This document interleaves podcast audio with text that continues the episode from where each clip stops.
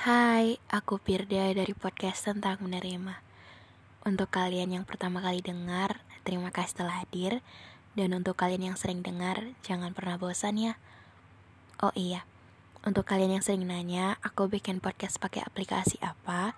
Aku bikin podcast pakai aplikasi Anchor.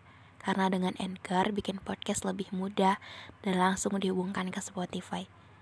Dan pemakaiannya 100% gratis.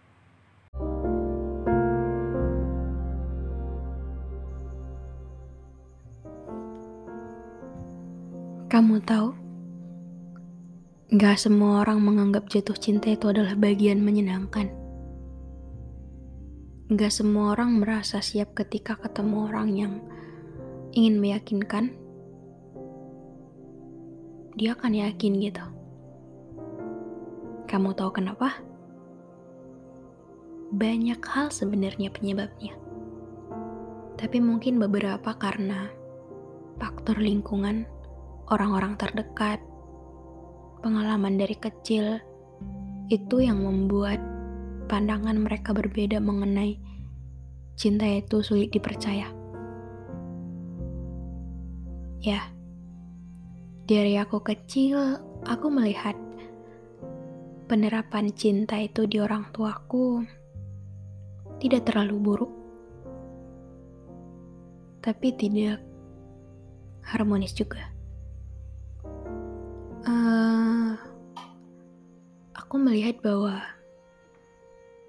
itu tuh sulit dimengerti dan sakit untuk terjebak dalam situasi yang aku pikir itu tuh gak perlu aku tahu tapi aku harus ngeliat langsung hal itu ditambah lagi yang kata orang perbedaan mampu menjadi alasan saling melengkapi.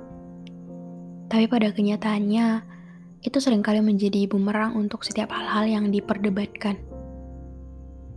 Aku melihat bahwa cinta di usia muda di orang-orang sekitarku lebih sering menghancurkan mimpi dan cita-cita mereka daripada menjadi support system mereka. Ya, aku sering juga melihat dengan nyata bahwa cinta di usia muda tadi mematahkan harapan keluarga. Karena kadang aku melihat orang tua merasa gagal mendidik anaknya. Karena mungkin belum waktunya untuk hubungan yang lebih serius, tapi mereka memilih hal itu. Hmm, jadi aku berkesimpulan bahwa cinta yang dikatakan indah dan menyenangkan di usia muda tadi sering kali menghancurkan dan merebut segalanya. Lalu ketika aku dewasa, aku juga paham bahwa umur juga tidak menjamin orang bisa bersikap dewasa dalam menanggapi cinta tadi. Banyak hal-hal yang menurutku sangat disayangkan, sangat tidak baik untuk menjadi contoh. Banyak hal-hal yang menurutku kenapa kasusnya harus terjadi seperti ini.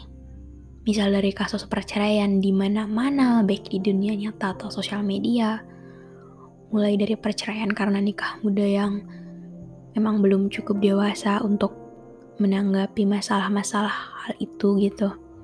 Masalah dalam rumah tangga, atau bisa juga karena selingkuh, kekerasan, atau bahkan masalah ekonomi bisa menjadi penyebabnya. Jadi, dari hal-hal yang menyedihkan dan menyeramkan tadi, aku belajar untuk kalau belum siap, jangan pernah mulai. Karena hal yang dikhawatirkan itu harusnya bukan takut gak nemu pasangan.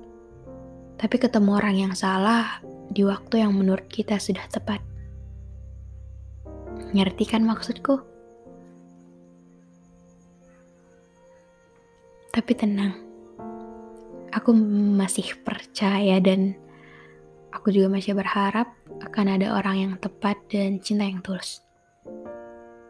Cuma itu akan nyata kalau diri sendiri sudah siap. Dan hubungan dengan sang pencipta juga sudah jauh lebih dekat gitu. Jadi kenapa pada kebanyakan uh, bukan kebanyakan sih tapi beberapa orang memilih untuk menganggap cinta yang dikatakan indah menyenangkan itu tadi menyeramkan karena mungkin banyak hal yang aku ceritakan tadi gitu.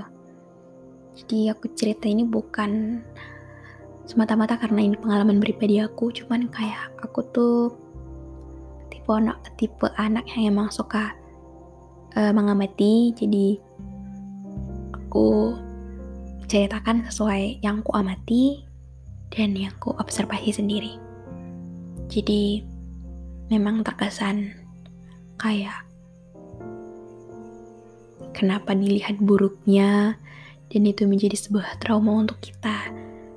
Tapi menurutku oke-oke aja sih ketika orang punya pilihan untuk hal ini.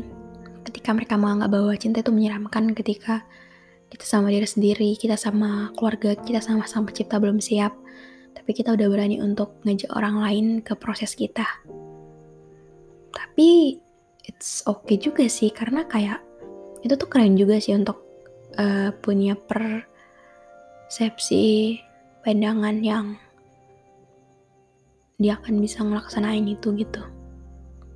Jadi mungkin sekian episode kali ini ya. Makasih untuk kalian yang denger sampai akhir. Kalau boleh dan berkenan, boleh banget ya untuk follow podcast kita biar aku lebih semangat untuk buat episode-episode berikutnya.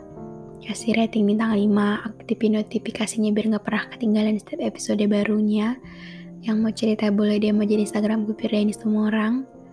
Hmm, untuk banyak hal yang mungkin bisa disampaikan, ingin ditanyakan, boleh-boleh aja. Semoga perasaan kalian lebih baik ketika dengerin episode kali ini. Hmm, dadah.